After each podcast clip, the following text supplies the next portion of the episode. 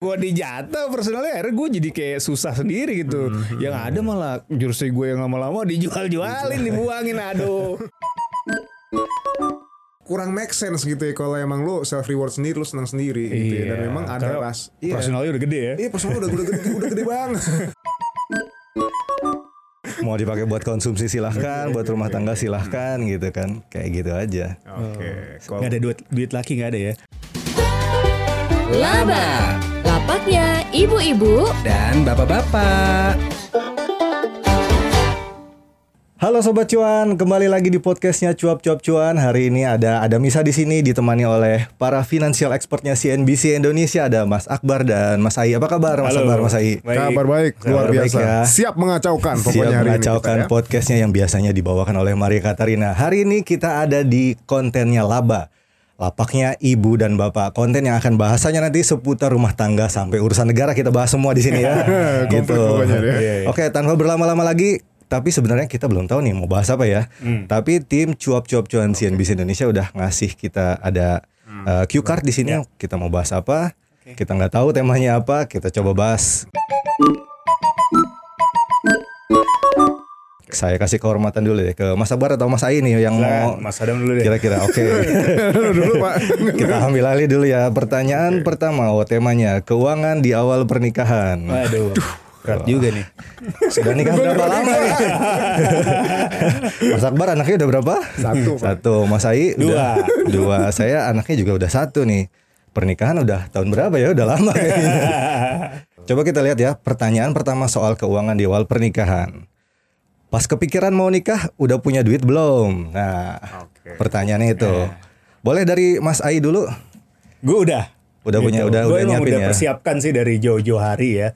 Jadi gue tuh emang eh, pengalaman gue waktu itu emang dari semenjak gue pertama kali kerja, gue tuh udah mulai investasi.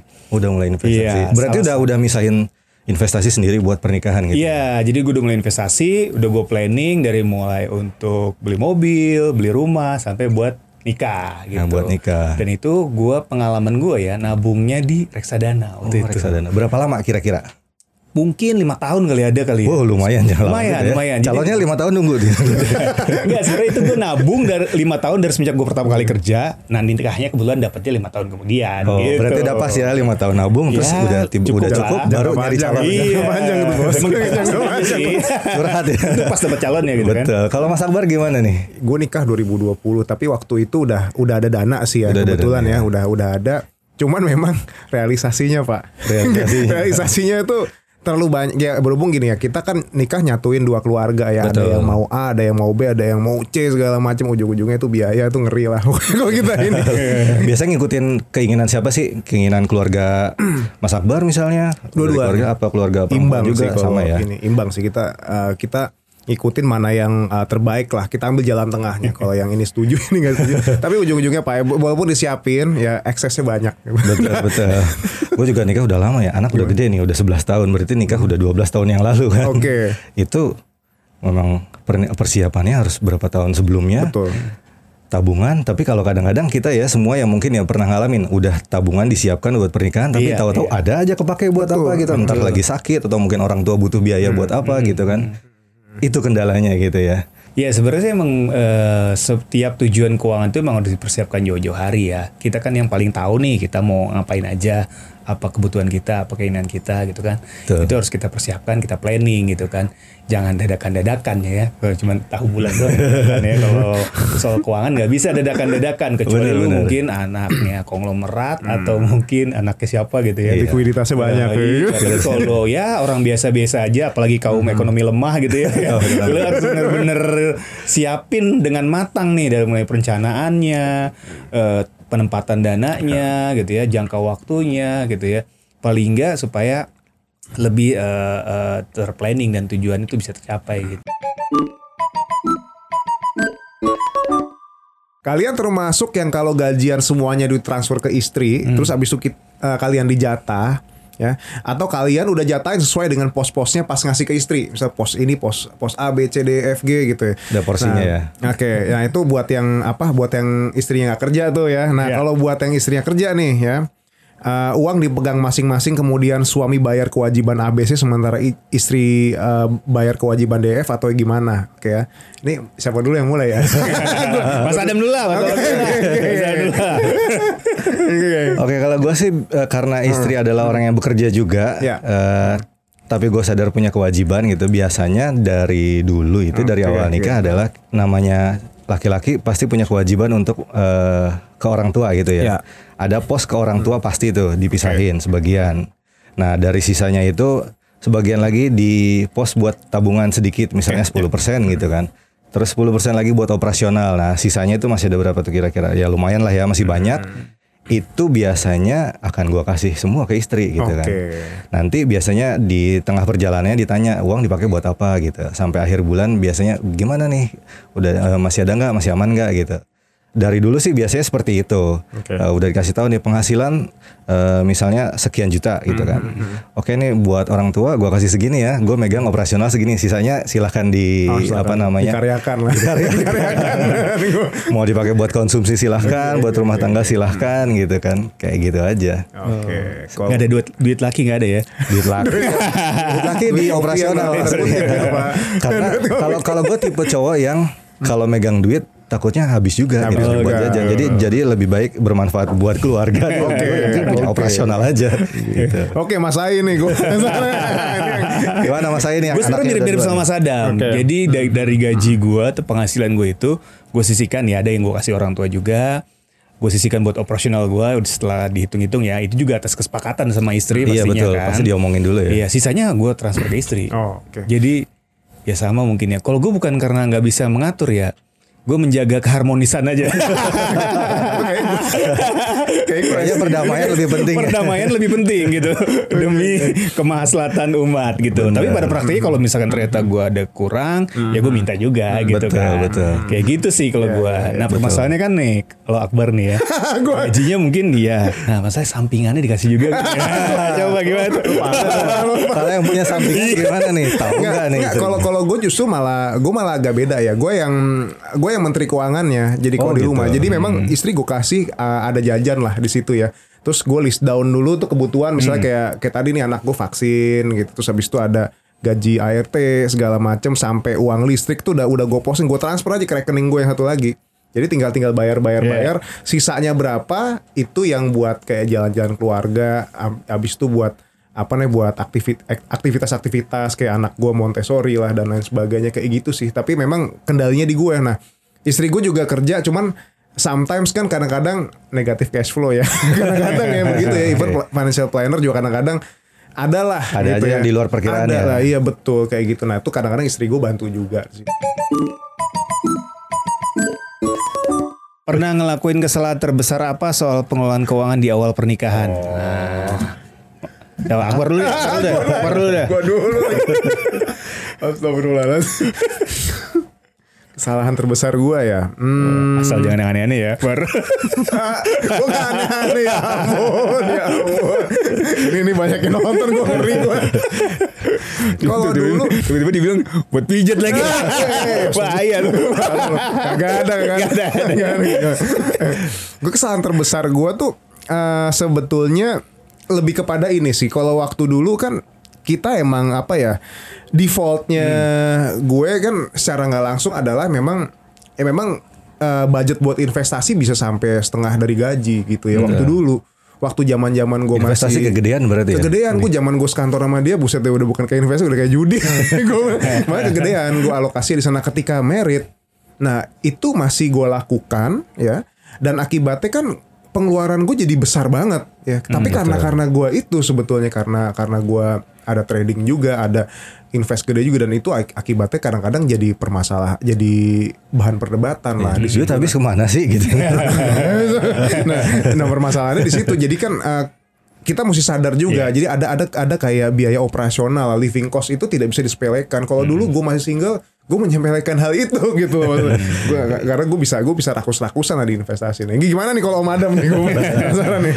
Karena dari awal sistemnya emang udah gak kebanyakan ngasih ke istri gitu ya. Paling kendalanya adalah kayak evaluasinya. Dia pakai buat apa itu kadang-kadang suka lupa juga karena eh nggak tahu ya penting atau nggak pembukuan itu tapi kadang-kadang ini kita kemarin ke mana ya gitu kan Iya. kadang-kadang tiap weekend kita ke mall udah belanja belanja makan itu habis berapa juta kan itu kadang-kadang nggak terkontrol ya nah yang membuat jadi masalah kayaknya adalah kita merasa aman dengan gaji yang kita punya saat itu.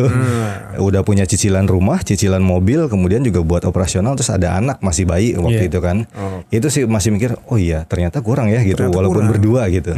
Itu sih ah, akhirnya agak-agak tergopo-gopo di awal kayak gitu akhirnya harus penyesuaian lagi berarti keluar keluar pas weekend untuk makan-makannya harus dikurangin gitu kan. Jadi ada penyesuaian porsi lagi di situ.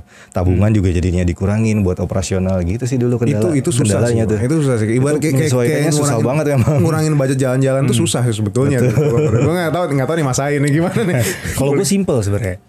Kesalahan terbesar gue adalah kopi. Oh, gue tuh emang kopi holik ya. banget gue. Gue sehari itu mungkin ya mungkin kalau sekarang udah mungkin banyak ya kopi-kopi kekinian. Gue sehari itu bisa 5 gelas kali dulu ya. aja udah tiga- 6 udah- udah gelas. lumayan ya. Itu udah Kali berapa hitung. kali itu? kalau orang yang lain Sehari mungkin habisnya di rokok nih habisnya di kopi gitu Jadi kadang-kadang rokok lagi. gue ya walaupun udah gue sisihkan tadi kan ya untuk operasional akhirnya habisnya buat kopi. gitu. Akhirnya gue minta gitu sampai ya udah dimarahin. Emang buat apa? Kok kantor doang cepet habis gitu ya orang Pagi yang- ngopi, siang ngopi, Iya gitu. Nah, ngopi. itu sih. Banyak Tapi ya sering jalannya waktu akhirnya gue melakukan penyesuaian-penyesuaian lah. Oke, makin seru nih Gitu. kita lihat nih ada pertanyaan apa lagi nih soal aduh aduh pernikahan di awal pernikahan. Oke, wah ini berat nih pertanyaannya nih. aduh Jujur atau bohong ke istri soal budget hobi. Nah, budget hobi gimana nih? Yang punya hobi. siapa siapa Ada nggak yang hobinya mahal? Kalau gue sih kebetulan nggak punya hobi yang spesifik mahal ya karena hobinya olahraga paling habisnya beli sepatu. Lumayan tuh tiap bulan. Ih, sepatu lori mahal lah. Ya, iya benar lumayan. Untungnya nggak tiap bulan kan. Jadi dari operasional misalnya karena kan semua dipegang istri gitu ya. Diusahakan untuk tidak minta lagi gitu kan. Kalau ada sisa tabungin tabungin ntar udah dua bulan tiga bulan empat bulan oh ada nih lebih baru beli sepatu kayak gitu. Ya di situ aja nabungnya buat diri sendiri buat kesenangan diri sendiri gitu. Kalau Iya, iya. mungkin Mas saya atau Mas Akbar gimana nih? Siapa dulu nih? monggo siapa dulu Iya. Kalau gua Oh, itu dulu sebelum nikah itu gua kan orangnya hobi banget bola ya. Iya. Main bola, nonton bola dan gue hobi eh, koleksi jersey, jersey bola asli. Harganya lumayan kan? Nah, sebelum nikah tuh gue udah banyak koleksi. Pas nikah susah gua. jadi sebenarnya Nggak boleh. Iya nggak boleh karena gua dijatah personalnya akhirnya gue jadi kayak susah sendiri gitu. Yang ada malah jersey gue yang lama-lama dijual-jualin, dibuangin. Aduh, pusing juga. Akhirnya gua ya hobi-hobi gue sekarang udah nggak yang segitu-gitunya ya main-main bola aja sama teman-teman paling kan. Gitu. Kalau untuk koleksi jersey-nya udah enggak gue akhirnya. Apalagi jersey tiap tahun ada yang baru pasti. Iya, itu dia satu klub tiap tahun ganti kan. Nah itu gue udah berapa klub yang gue suka tuh gue koleksi kan. Ya udah akhirnya semenjak Nggak nikah. beli yang grade KW Super dari tetangga sebelah. ya karena sebenarnya kepuasannya aja sih ya. Oh, ya? Kalau yang murah-murah juga banyak gitu kan di Iya, TC juga banyak gitu. Temen gue kayaknya kalau yang punya asli tuh Beda rasanya. Iya beda rasanya dan kadang-kadang gue nggak gue pakai, gue pajang aja gitu. Sayang mau dipakai juga cuci. Betul, betul. Gitu. Nah, gitu kalau Mas sih. Akbar gimana? Gue sudah lama tidak melakukan hobi gue pak. Kebetulan, Apa sa- tuh? kebetulan sama tuh? sama juga olahraga. Cuman kalau gue pukul-pukulan olahraga yang banting-bantingan. Uh, apa tuh? Kayak Muay Thai, MMA, BJJ gitu. Dulu tuh gue sering juga punya tuh alatnya. Akhirnya terbengkalai di dulu, lemari. dulu emang apa ya kalau di uh, BJJ kita sering beli gi waktu dulu gi gak warna-warni kita ganti glo- glove glove tuh kadang-kadang lah ya cuman cuman kalau sekarang ya semenjak merit ya berhubung gue juga udah jarang apa namanya latihan juga gitu ya jarang kumpul-kumpul juga sama teman gue paling hobi gue di rumah nonton doang bahkan kadang-kadang ya kalau gue pengen sesuatu ya istri gue waktu dulu sempat beliin lah kayak sepatu gitu jadi nggak nggak yang gimana-gimana sih kalau seputar hobi ya jadi di situ. Benar-benar harus bisa berkompromi ya ternyata Iya. setelah menikah ya untuk Iya, terutama pastilah. hobi-hobi cowok ya. Kayak shock-shock sedikit lah. Kalau istri ngajak hangout, tapi dana lagi ngepas banget dan masih panjang ke tanggal gajian, apa yang kalian lakukan? Eh, langsung aja dari gue ya. Ya udahlah, kartu kredit nggak apa-apa deh. yang penting yang yang penting udah deh, ke- at least bulan depan gue masih bisa bayar, Pak. Gitu. Ada Dan ininya, ada porsinya ya. ada yang porsinya masih masuk sebetulnya kan. ya. Iya, walaupun emang ya kadang-kadang ya udahlah kita juga manusia lah ya. Iya. gitu ya. Kita manusia kita juga pengen nyenengin orang dan itu su- sulit gitu kita nggak mengatakan tidak itu loh sebetulnya kalau udah kayak gitu lah. Mau gimana Pak Adam? Kalau gua kebetulan bukan tim kartu kredit ya, Hmm. jadi dari dulu emang nggak pernah punya kartu kredit dan ini sebenarnya kelebihannya ngasih uang ke istri nih. Hmm, jadi dia yang tahu kapan masih punya uang atau udah habis gitu kan. Jadi bukan kita yang ngatur gitu Kayaknya kan. bisa gue tiru deh kayaknya. Kayaknya bisa gue tiru nih. Jadi kayaknya. tiap weekend kalau dia ngajak keluar, oke berarti ada duitnya nih. Oh, Oke oke oke oke. Begitu. oke. Jadi oke kita bisa ke mana? Oh duitnya ada, masih ada. Oke Ya. masih ada. Oke. Misalnya terutama di akhir bulan ya. Biasanya kan kita udah pos-posin yang bisa kita habiskan Ya, di akhir ya. bulan. Kalau masih ada banyak, oke kita mau ke mana nih? Makan enak di mana? Misalnya kayak gitu. Hmm, oke. Itu jadi lebih simpel sih, mengurangi konflik juga. Oh, Oke oke. Mas Ai mungkin gimana? Iya, kalau gue kombinasi sih. Intinya ya karena gue juga sama kan eh, sebagian besar gue transfer ke istri. Ya asumsi gue kalau istri ngajakin jalan harusnya masih ada uang gitu kan. iya, Tapi kalaupun worst case-nya banget duit udah habis ya sama kayak Akbar. gue juga pakai kartu kredit gitu kan. kredit, Udah ya. karena kan ya ya healing tipis-tipis lah gitu kan. Benar. Karena kerja mulu kan pusing juga Ya. kali ya gitu. Yang penting kan terkontrol lah gitu. Jeleknya eh, kartu kredit cuma pengeluarannya. nggak ada ininya aja mas, nggak ada rambu-rambunya mas. Iya. Kita nggak tahu. Yang ini ngontrol kita sendiri. apa salah. Kalau Iya. pakai kartu kredit itu kita benar-benar harus sadar diri ya. Sadar diri. Limitnya berapa gitu. Betul. Jadi tapi ya kalau misalnya jangan sering-sering lah gitu Iya, kan. iya. Betul, buat eh, kalau kepepet aja kali. Kalau ya. kepepet aja. Cuma Tapi asal jangan sering-sering ya. kepepet. Pilih kehidupan irit di kantor kemudian happy bareng istri atau mending self reward aja. Nah, gimana nih? Gue jawab sendiri dulu deh. kehidupan di kantor, gue lebih milih irit sih sebenarnya. Sesuai kebutuhan aja. Jadi eh, kalau di kantor kerja, istirahat, makan, udah makan selesai pulang pulang gitu. Terus nanti kalau ada lebihnya ya udah bareng keluarga. Nggak ada nggak ada yang bisa gantiin sih kalau Iya, dari iya, iya, keluarga. itu Kalau gue sih prinsipnya kayak gitu ya, buat buat sih. anak, buat istri itu, itu udah di atas segalanya. Mungkin Mas Ai gimana? Gue sendiri juga hampir sama sih. Jadi gue tuh kalau di kantor itu emang bukan tipikal orang yang suka jajan, nongkrong-nongkrong gitu. Semenjak ya semenjak nikah sih sebenarnya. Kalau dulu sebelum nikah mungkin iya gitu kan gue nongkrong sama temen, jalan hangout apa segala macam. Tapi emang kalau udah pas nikah itu apalagi pas punya anak pengennya tuh bareng-bareng gitu loh. Ngabisin bareng istri ya bareng, istri, bareng anak ya. iya. kayak ada merasa bersalah kalau gue Nah, iya. pribadi kalau gue ngabisin buat diri gue sendiri gitu ya. Betul. karena menurut gue udahlah udah lewat masa-masa itu ya walaupun eh, sekarang juga eh, ngabisin bareng keluarga lebih enak juga sih gitu. Mana lebar Kalau gue ya bener irit irit di kantor ya. Karena sekarang Hmm. balik balik lagi. Sekarang parkir di sini udah dua puluh ribu gue di mangkok di sana di kafe sana gitu. Sekarang gue jajan kopi tiga puluh ribu bos. Belum gue bayar tol juga men. Jadi ya, ya apa ya nggak kurang make sense gitu ya kalau emang lu self reward sendiri lu senang sendiri gitu ya dan memang ada ras iya. personalnya udah gede ya Iya personal udah, udah, gede, udah gede banget dari sini gitu. Iya. Tolong jangan ditambah lagi. Iya. benar benar benar. Gitu. Jadi kayak gitu ya kita kalau cowok biasanya memang rata-rata udah berkeluarga ya yang bener harusnya Iya, harusnya biasanya begitu, begitu, ya. Awal nikah terbuka nggak soal keuangan termasuk soal utang nih? Apakah ada uang yang disembunyiin dari Hmm. istri? Nah, sampai sekarang masih nggak kira-kira? Ini mungkin buat trader-trader yang punya Uang usaha dingin. sampingan gitu kan. dari siapa dulu ya? Dari gua dulu ya? Iya coba. Pak, boleh, Pak. kalau dari awal gue orangnya adalah yang ya sama calon istri ya waktu itu. Kasih tahu sih pasti semuanya. Gue karyawan, penghasilan gue segini. Kadang-kadang misalnya ada keluar kota ada tambahan sekitar berapa ratus atau berapa juta gitu kan. Itu sih udah dikasih tahu dari awal. Ya itu kan juga menentukan dia mau nggak sama kita gitu. Iya, betul, betul. Kalau dia udah Salah satu benar filter salah ya. satu filternya adalah untuk tahu bahwa penghasilan kita segini nih, terus kewajiban kita ada orang tua yang harus dibiayain segini misalnya gitu. Itu aja sih paling. Mungkin Mas Ya. Akbar dulu gimana? Gue terbuka dan ketika gue membuat perjanjian pranikah juga begitu. Karena uh, kita harus make sure pasangan kita tuh uh, punya utang berapa penting. Karena bukan karena bukan gimana gimana ya. Kalau orang punya utang, terutama utang yang nggak ada jaminan, tetap akan ada jaminannya siapa? Orang di situ. Orang itu yang akan di apa akan dicari dan lain sebagainya.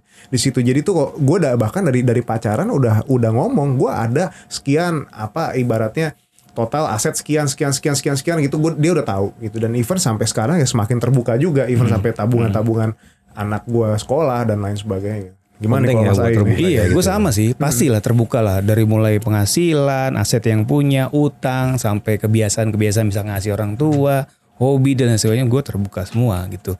Itu justru jadi filter gue gitu ya.